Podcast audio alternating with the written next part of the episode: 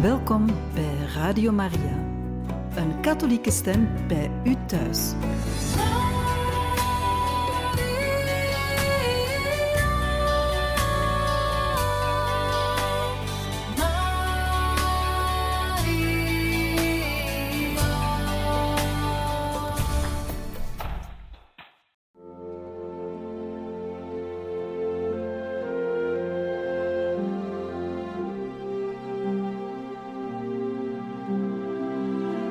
Beste luisteraars van Radio Maria, welkom bij het programma Catechismus. Een overweging bij de geloofschat van de kerk.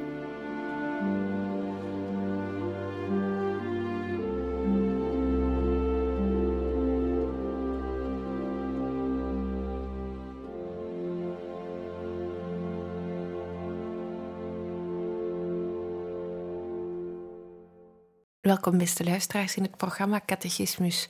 Vandaag kan u verder luisteren naar de catechese gebracht door priester Pierre François over de liturgie.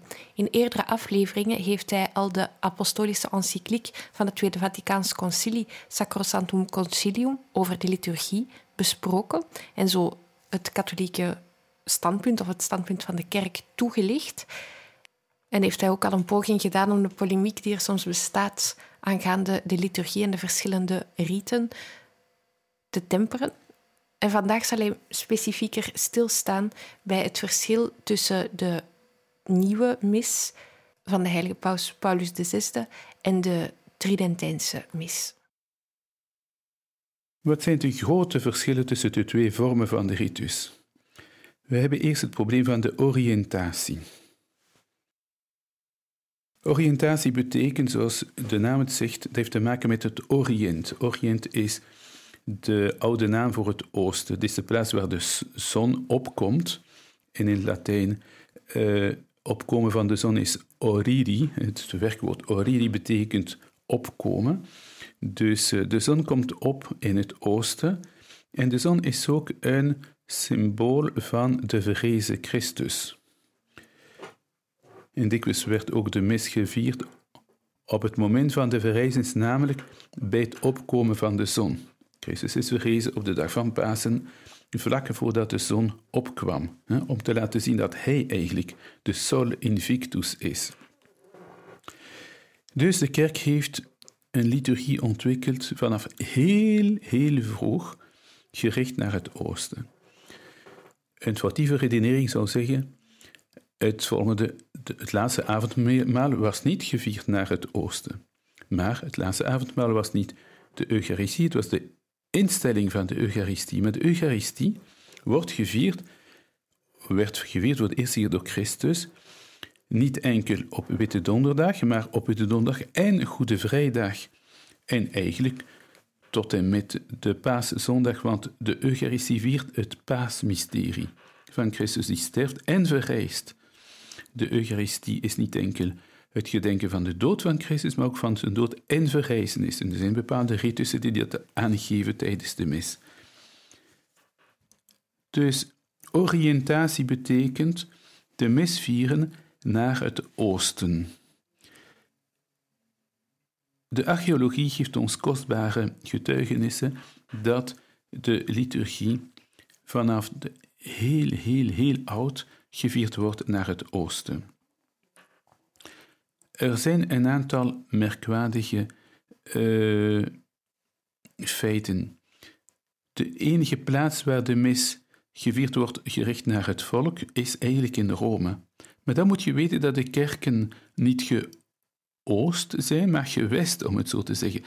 De kerken in Rome zijn niet gedraaid naar het oosten, zoals de meeste kerken in heel het christendom nu niet meer, maar uh, tot, tot de middeleeuwen waren alle kerken, tot en met de middeleeuwen, waren alle kerken gericht naar het oosten.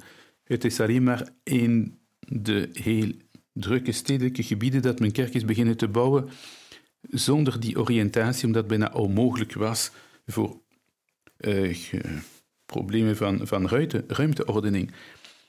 Maar zelfs dan nog er was een soort geestelijk oosten, dat is gewoon de apsis van de kerk, dat is die afgeronde deel achter de priester, om het zo te zeggen, um, van de muur, waar, men naar, waar de gelovigen naar kijken op het einde van de kerk, die dikwijls afgerond is, of uh, laten we zeggen het priesterkoor, dat werd beschouwd als een soort geestelijk symbolisch oosten op het moment dat de kerken niet meer georiënteerd konden worden. Dus de gemeenschap keert zich naar het oosten. De moslims keren zich naar Mekka, maar de christen keren zich niet naar Jeruzalem of wat dan ook, of naar Rome, ze keren zich naar het oosten. Ze hebben een meer kosmische visie van de Eucharistie. En dat is eigenlijk een heel mooie symboliek, het feit dat we begrijpen dat wat we in de Eucharistie heeft te maken met de schepper van de wereld en bijna de beweging van de planeten en de zon hè? Dus, um, en de sterren. Het is totaal verkeerd te zeggen dat het anti-ecumenisch is de mis te vieren met de rug naar het volk. Ten eerste mm, heeft de priester nooit de mis gecelebreerd met de rug naar het volk, heeft de mis gecelebreerd gekeerd naar God. Als voorganger van een volk onderweg naar God. Dus eigenlijk het feit dat priester en gelovigen in dezelfde richting kijken, is absoluut niet een belediging van de gelovigen, ik keer u de rug toe. Nee, we kijken samen in dezelfde richting. Dat is uh, een belangrijk punt. Bovendien, het gevaar van te willen vieren uh, met de priester die kijkt naar de gelovigen, wordt soms ingegeven door mensen die denken dat het laatste avondmaal het model is van de Eucharistie. Uh, maar dat was maar een deel. Trouwens, Christus heeft een aantal bekers gedronken, zoals voorgeschreven was in de Joodse liturgie, maar de laatste beker heeft hij niet gedronken. En dat is de beker die hij dronk door zijn dood aan het kruis. Toen zei hij consumatum est, alles is volbracht. Dat is een heel bekende exegese van de Eucharistie, die tamelijk recent is en die onder meer te danken is aan een protestant die katholiek is geworden, namelijk Scott Hahn, die heel goed uitlegt hoe de Eucharistie eigenlijk uh, gevierd werd door Christus, door die eenheid van heel het triduum van en niet enkel het laatste avondmaal. Uh, Paus Franciscus spreekt soms van het gevaar voor de autoreferentialiteit. Dat betekent de navel, uh, navelstaren in de kerk. Het gevaar van de mis te doen rond een altaar, ondergronds, geeft een beetje de indruk dat God niet meer het centrum is, maar de, onze gemeenschap. Dat is wat de paus noemt autoreferentialiteiten, wijzen naar zichzelf. Wij moeten daarvoor uh, opletten dat er een bepaalde filosofische stroming die immanentist is, dat ze niet binnensluipt in de mis wanneer we het zo belangrijk vinden dat priester en gelovigen naar elkaar kijken tijdens de mis. Uh, zelfs architecturaal zijn daarvan bepaalde getuigenissen. Er zijn bepaalde kerken die echt als een cirkel gebouwd zijn waar iedereen rond het middenpunt kijkt. Kijk, zolang dat dat middenpunt Christus is, is dat nog te verkopen. Maar vanaf het ogenblik dat ze zeggen wij, de gemeenschap, zijn het middenpunt, dan zijn we niet meer met een katholieke uh, visie van de Eucharistie. We zijn gewoon met een ja, modernistische visie uh, die niet de, de juiste is. Nu is het zo dat door het feit dat er in Rome kerken waren die in de andere richting gedraaid werden, en dat had te maken ook met het feit dat men in Rome bijvoorbeeld in de Sint-Pietersbasiliek wilde vieren op het graf van de apostelen, meer bepaald Petrus in uh, de Sint-Pietersbasiliek. En omdat die basiliek werd gebouwd tegen een kerkhof, heeft men de kerk eigenlijk moeten bouwen in de verkeerde richting. Wat is men dan gaan doen in die Romeinse kerken? Wel, omdat de priester wou kijken naar het oosten en op het graf van de apostel wilde vieren en dat er geen plaats was achter hem om de gelovigen uh, te plaatsen in het schip van de kerk te bouwen, werd het schip aan de andere kant van het altaar gebouwd. Met als gevolg dat men de indruk heeft dat de priesters in Rome, als enige plaats in de wereld, vieren met het gezicht naar het volk. En dan hebben bepaalde liturgische, liturgisten van de 20e eeuw gedacht: ah, maar dat is de oorspronkelijke manier om te vieren. De priester kijkt naar het volk. Dat is nooit zo geweest. Uh, enkel in Rome, omwille van die, uh, hoe ik zeg, die architecturale problemen, heeft men dat gedaan. Maar die kerken zijn natuurlijk gebouwd op zo'n manier dat de priester wel kijkt naar het oosten wanneer hij viert. Dus als men gaat beginnen in andere kerken de priester te laten kijken naar het volk, uh, terwijl de kerk gebouwd is gericht naar het oosten, dan gaat de, kerk, de priester eigenlijk de rug keren naar het oosten. Dat is natuurlijk niet gewild, maar dat is eigenlijk het resultaat geweest van een oppervlakkige wetenschappelijke benadering, uh, waardoor de mensen zijn gaan focussen op het feit dat de mis in Rome, in veel basilieken, uh, werd gericht uh, coram populo, dat betekent dat de priester en de gelovigen naar elkaar zijn gekeerd. Men, heeft, is gaan denken dat dat de oorspronkelijke vorm was. Maar de archeologie bewijst ons het tegenovergestelde. De, e-, de enigen die naar elkaar willen vieren zijn de mensen die die uh, immanente visie hebben. Ik denk dan aan de modernisten binnen de katholieke kerk en de uh, protestanten buiten de katholieke kerk. Die hebben een meer broederlijke visie van de Eucharistie. Het is een broederlijke maaltijd, het is een afscheidsmaaltijd, het is het offerkarakter, uh, het zich richten tot Christus, is totaal anders gepercipieerd in die vormen. Nu gaan de luisteraars, de luisteraars zich misschien afvragen, ben ik dan de mis uh, Coram Popula aan het afbreken? Helemaal niet. Het Tweede Vaticaanse Concilie heeft gezegd dat dat ook mocht. Hè? Dus, uh, maar het is een ook. Men mag nog altijd in de nieuwe mis vieren, gekeerd naar het oosten. Trouwens, kijk naar de paus. Als hij in de Sixtijnse kapel celebreert, uh, omdat die kapel zo mooi is, zou het een beetje lomp zijn om daar een altaar te plaatsen in de andere richting. En dus, zonder dat iemand daartegen uh, protest uh, aangeeft, is men daar aan het vieren met de rug naar het volk. Bovendien, wilt je weten of de nieuwe mis met de rug uh, naar het volk kan gecelebreerd worden? Bij wijze van spreken, rug naar de, het volk. Kijk gewoon naar het missaal. Men zegt heel dikwijls tijdens de richtlijnen die in troot zijn afgedrukt, dat, uh, men noemt dat de rubrieken. De priester keert zich tot het volk en zegt: De Heer zij met u. Dat betekent dat hij niet gekeerd was naar het volk voor het vorige gebed. Dat betekent dat het missaal wel voorziet dat de priester op bepaalde momenten moet keren naar het volk als hij niet gekeerd is. Als hij gekeerd is naar het volk, hoeft hij dat niet meer te doen, want hij is al gekeerd naar het volk. Maar de typische mis van NATO uit de Vaticaanse Concilie houdt rekening met het feit dat de priester de mis begint gekeerd naar het oosten. Dus help mij alstublieft om dat idee te verspreiden. Het is niet waar dat de Tweede Vaticaanse Concilie de mis met de rug naar het volk heeft verboden. Laster, leugen, onwetendheid, domheid.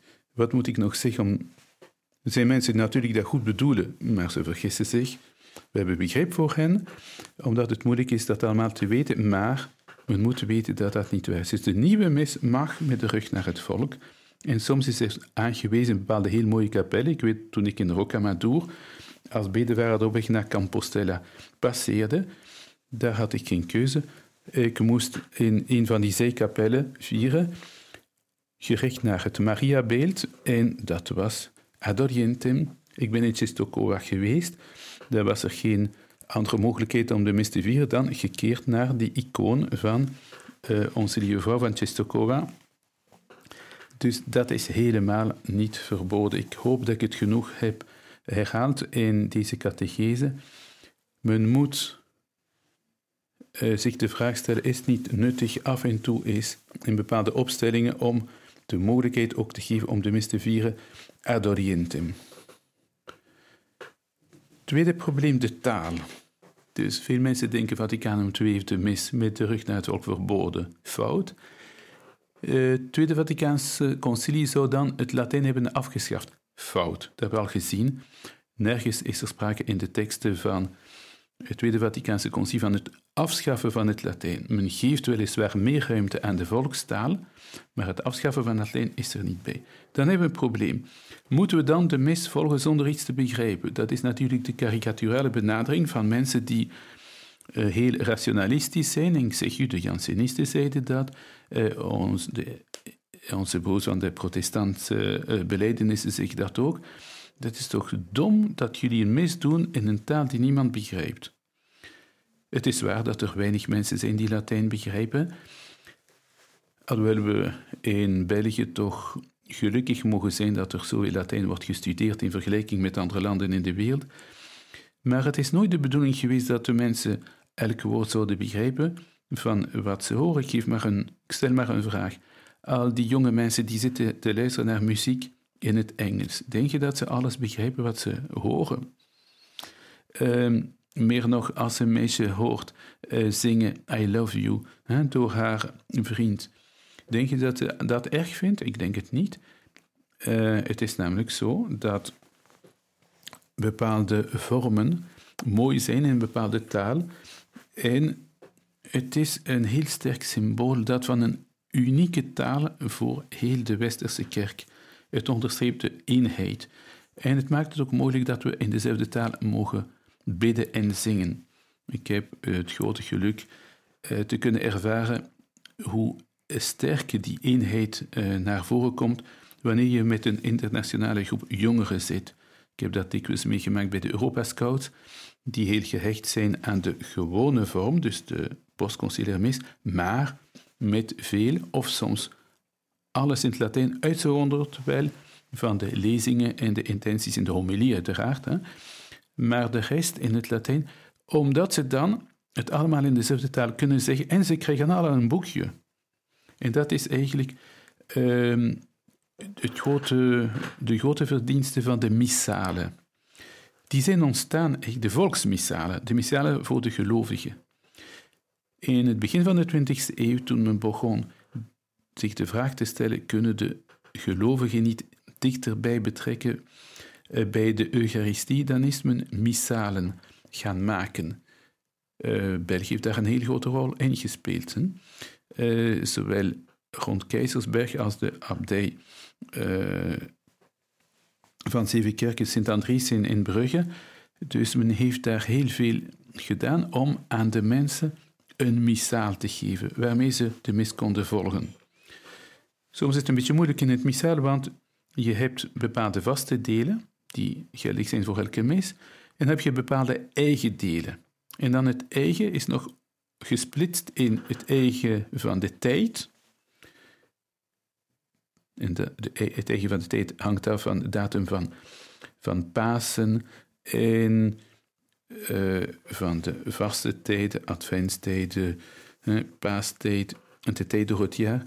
Dat is dus de tijd door het jaar. En dat zijn allemaal weken die een nummer dragen, naar gelang hun positie ten opzichte van het feest van Pasen. Maar dan heb je naast het eigen van de tijd, heb je ook het eigen van de heiligen. De heiligen die zitten op een vaste kalenderdatum, die bougeren niet met het feest van Pasen. En soms is het een beetje moeilijk om die twee te combineren, bepaalde lezingen te nemen uit het eigen van de tijd en bepaalde gebeden te nemen uit het eigen van de heiligen. Uh, het is een beetje moeilijk, maar eens dat je begrijpt hoe het werkt, daarom zijn er soms of dikwijls lintjes in de missalen, om te kunnen weten, ik ben in de zoveelste week en ik ben op die zoveelste dag. Hè. Zo kunnen de mensen leren hoe ze de vaste gedeelte en de eigen gedeelte van de mis, die variëren of niet variëren, uh, om die met elkaar, dus, uh, om die bij elkaar te vervoegen.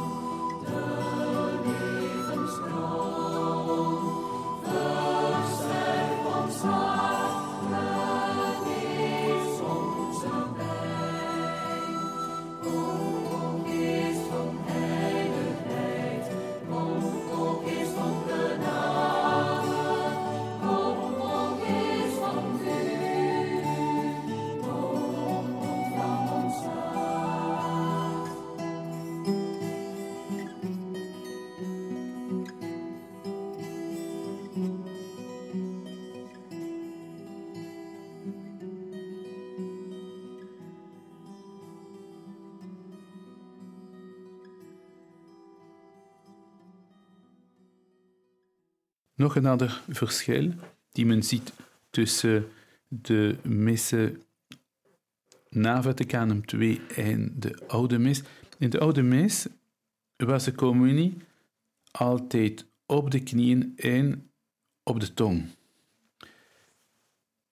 Mag dat in een nieuwe liturgie? Ja, dat mag ook. Waarom is dat uh, niet meer voor iedereen verplicht? In de nieuwe liturgie, dat weet ik niet goed. Het is altijd de bedoeling geweest van de kerk dat de bisschoppen daarover zouden moeten uh, oordelen wat past best in een land of niet op gebied van de communie. Bijvoorbeeld de communie op de hand is niet door het Tweede Vaticaanse Concilie ingevoerd, maar het was daarna uh, ingevoerd. Is dat in de geest van het Tweede Vaticaanse Concilie? Over die vraag wil ik me liever niet uitspreken, want ik ben geen bisschop. Maar wat altijd duidelijk is gebleven, is dat de gelovigen het recht hadden om de communie op de traditionele manier te krijgen, namelijk knielend en op de tong. Hm? Als je niet knielt, kun je ook een kniebuiging doen vlak voor de communie. Ik zie dat veel jongeren dat beginnen te doen. Ik ben daar blij over deze evolutie. Maar dat betekent dat die jongeren wel de indruk geven dat ze heel veel geloof hebben, anders zou je die kniebuiging niet doen.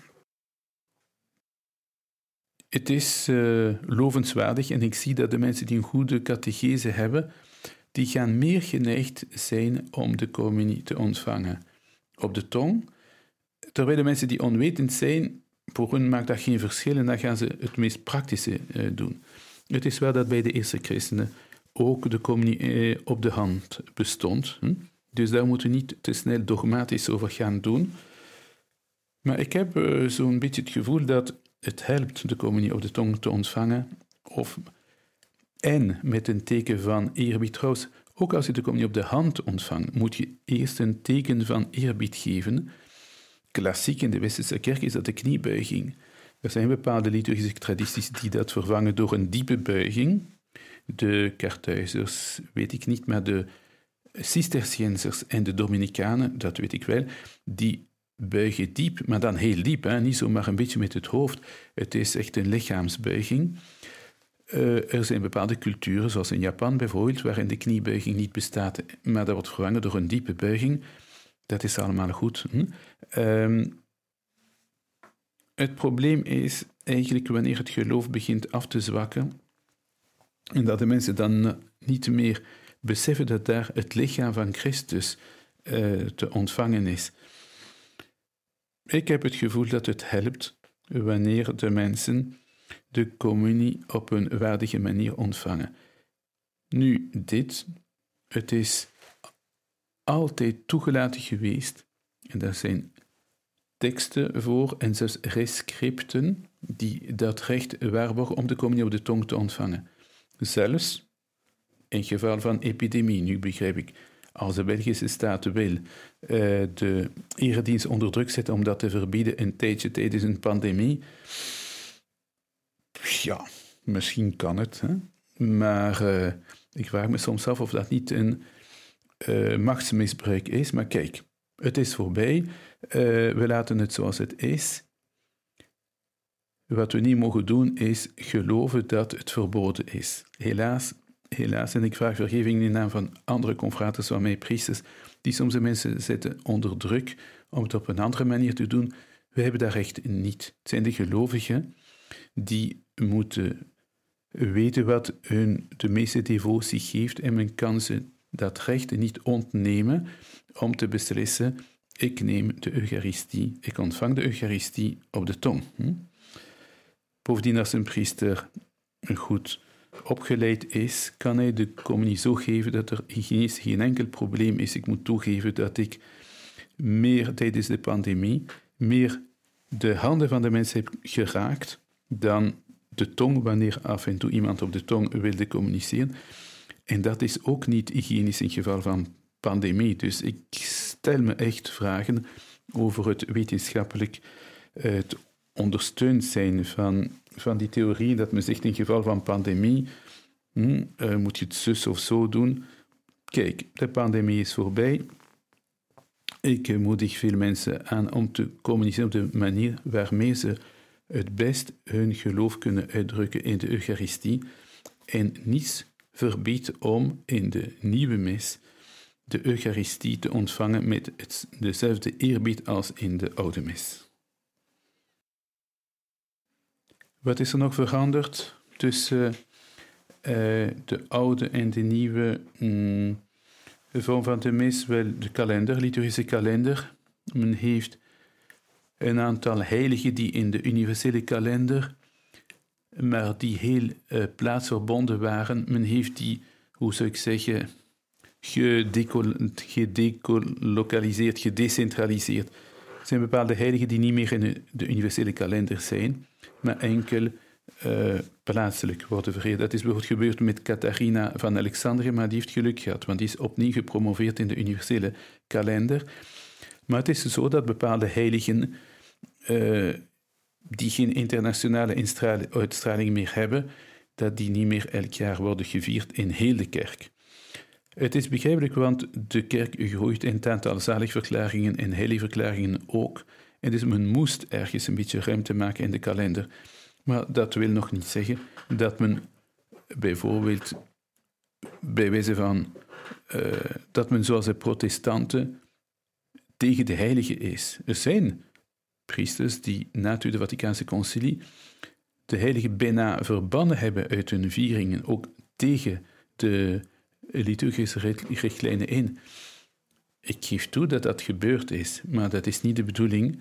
En de kerk heeft heel veel ruimte gegeven, ook in de postconciliaire kerk aan de heiligen, en ook een heel groot aantal van die heiligen zalig en heilig verklaard. Ik denk vooral aan het aantal heilige verklaringen onder Johannes Paulus II was indrukwekkend. Maar ja, hij moest een aantal, een zekere achterstand inhalen, want er zijn bepaalde processen die al bezig waren sinds eeuwen. En ja, een bepaald ogenblik kunt je afvragen, kan dat niet een beetje sneller? Hm? Um, ander verschil tussen het oude missaal en het nieuwe missaal, dat zijn de rubrieken. De rubrieken zijn de teksten gedrukt in het grote, die niet bedoeld zijn om opgeluid op te worden opgezegd, maar die gewoon richtlijnen geven aan de priester. Hier knielt de priester, hier strekt hij de handen uit, hij maakt een kruisteken over kelk en over de hostie. Dat zijn de rubrieken. De rubrieken in Trente waren niet zo talrijk, maar die zijn toegenomen in die, heel die periode die in het begin zeer barok was. Vergeet niet dat Trente in volle barokke tijd is gebeurd. En ik zie dat ook eigenlijk, het missaal van Trente is een barok missaal. En men heeft allerlei dingen daaraan toegevoegd met de beste bedoeling van de wereld. En misschien was dat inderdaad wat moest in die tijd. Maar ik kan me goed inbeelden dat bepaalde mensen nostalgie hebben van de Romaanse stijl of de Gotische stijl. En dat ze, naar aanleiding van de Tweede Vaticaanse Concilie, blij waren met het een beetje uh, afromen van al die rubrieken die soms heel lang zijn. Terwijl een priester de mis leest, heeft hij niet de tijd om twee paragrafen te lezen tussen twee gebeden in. Dus het gevaar is groot als je te veel rubrieken hebt, dat de mensen de rubrieken niet meer volgen, want die zijn te talrijk. Wel, dat is een beetje wat er gebeurd is in het nieuwe missaal. En dat is een gezonde hervorming. Het is goed dat men hervormt op zo'n manier dat, dat de dingen terugkeren naar hun oorspronkelijke eenvoud. En eh, men spreekt trouwens in de teksten van het leergezag van mm, nobilis simplicitas, in nobele eenvoud. Ik ben heel blij met de nieuwe rubrieken van de mis. Soms vind ik dat er een beetje te weinig wordt gezegd en waar ik niet weet hoe mijn handen houden en dat er niks wordt gezegd of weinig gezegd in het nieuwe missaal. Ik ga gewoon kijken naar hoe deed ze het vroeger en dat interesseert me om te gaan kijken in de oude vorm hoe ze dat deden.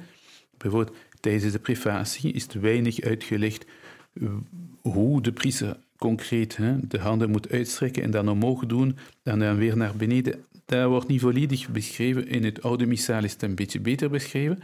En wel, ik ben het eens gaan lezen en ik probeer dat toe te passen in de nieuwe mis, omdat dat niet verboden is in de nieuwe mis. En daardoor krijg ik een antwoord op bepaalde vragen ik voel me, me vrij. Ik ben niet, niet geobsedeerd door het echt toepassen van die rubrieken. Bovendien, sommige van die rubrieken zijn ook een beetje een codificatie geweest van later gebruik. Ik geef het voorbeeld de beweging, de beweging van de orante. Wat is dat? De priester bidt de priesterlijke gebeden met de handen uitgestrekt. En eigenlijk de palmen van zijn handen zouden naar omhoog moeten worden gericht. Dat is een, een beweging die zegt, Heer, vul mij met uw genade. Ik doe mijn handen open om die genade te krijgen. Maar in de Tridentijnse ritus was het zo gecodificeerd dat de palmen naar, naar elkaar moesten kijken op de hoogte van de schouders, waardoor die beweging niet meer die oorspronkelijke zuiverheid had van de handen met de palmen gericht naar omhoog. Um, een andere beweging trouwens die tegenovergesteld is, dat is de epiclese, waarin de palmen naar beneden worden gericht. Op dat ogenblik gaat de priester de genade afroepen om te dalen over de offeranden. Als priester vraagt hij genade voor zich en voor het volk met de palmen naar omhoog. En als zij de epiclese doen, dan zendt hij een zegen naar beneden toe, als het ware. Het is mooi dat we die oorspronkelijke betekenis van de ritus herontdekken en daar kunnen, kan een inflatie aan rubrieken soms in de weg staan, omdat men te veel gaat uh, beschrijven hoe die houding is, dat men de oorspronkelijke betekenis bijna ging vergeten in de oude vorm van de mis. Ik bedoel de mis tussen de, uh, het concilie van Trent en het concilie van uh, het Tweede Vaticaanse Concilie. Dus ik heb een aantal algemene dingen gezegd. Nu ga ik eventjes over de mis gaan. De eentrede processie uh, in de nieuwe liturgie is al een onderdeel van de mis. En dat zie je, want in de nieuwe mis kom je heel traag rustig binnen, omdat de processie reeds de mis uh, behoort tot de mis. Het introitus wordt dan ook gezongen tijdens de intredeprocessie. In de oude mis begon de mis na de intredeprocessie.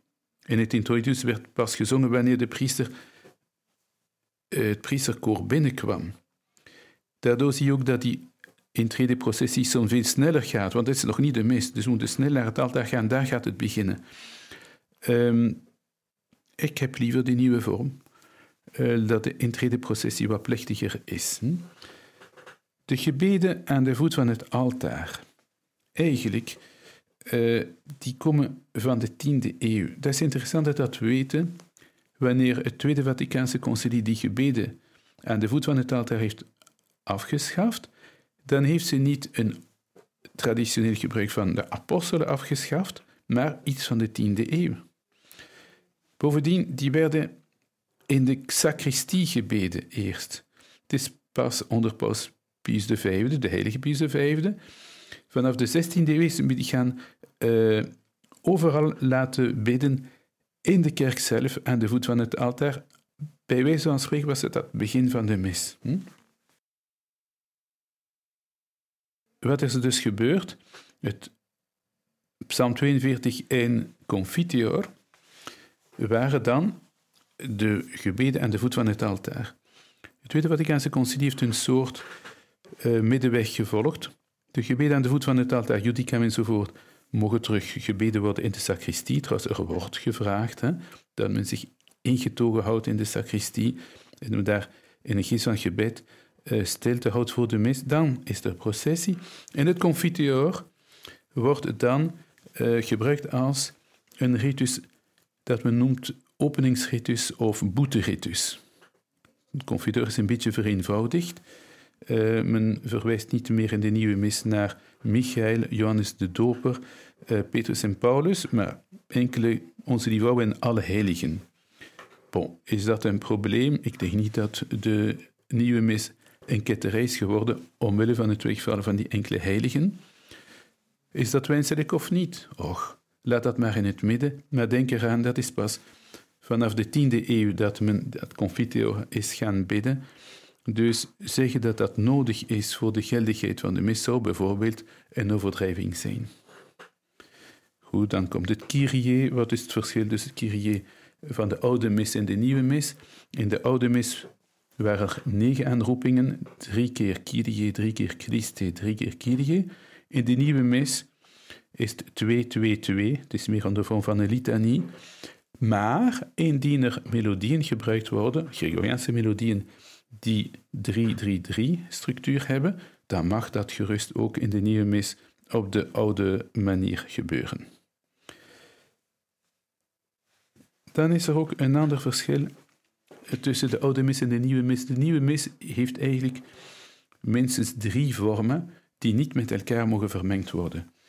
De gelezen mis, in het Frans mis basse, hm, uh, zonder koor. Uh, voilà. Dan hebben we de, de mis, hoogmis bijna. En dan heb je de gezongen mis, waar alles gezongen moet worden. In de nieuwe liturgie bestaat dat verschil niet meer. En je hebt een continuum tussen een minder plechtige of meer plechtige mis. In de oude mis moet je alles zingen of niks. In de nieuwe mis mocht je dat gradualiteit, beetje bij beetje uh, invoegen. Ik denk dat het beter is om aan de mensen te leren zingen, dat men de mogelijkheid geeft om ook tussenformules te gebruiken waar een deel pas van de mis wordt gezongen. Hm? Zodat de mensen beetje bij beetje kunnen worden opgeleid. En ik weet uit ervaring, als je met de scouts zit of je wilt toch een beetje zingen, maar uh, een gelezen mis kun je niet zo gemakkelijk doen in de bossen, dus is dat dan verboden. Je ziet wel, um, er was een overdreven codificatie ontstaan in de oude mis, om niet te spreken over de pontificale mis, die niet kon zonder een heel groot aantal uh, misdienaars. Ja, maar dat is toch jammer als een bisschop komt dat hij niet pontificaal uh, kan vieren, de pontificale tekens kan gebruiken, als er niet die zoveel dienaars er ook bij zijn. De nieuwe mis geeft daar een beetje meer uh, flexibiliteit in.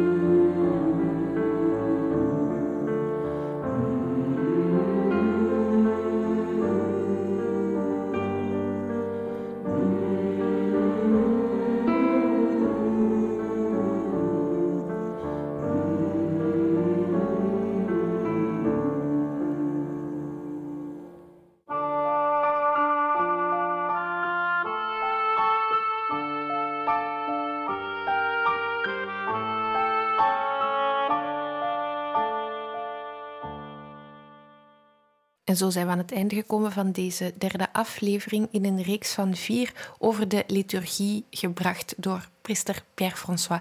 U kan deze en andere afleveringen online herbeluisteren door te zoeken naar het programma Catechismus. Radio Maria wenst u nog een mooie dag toe.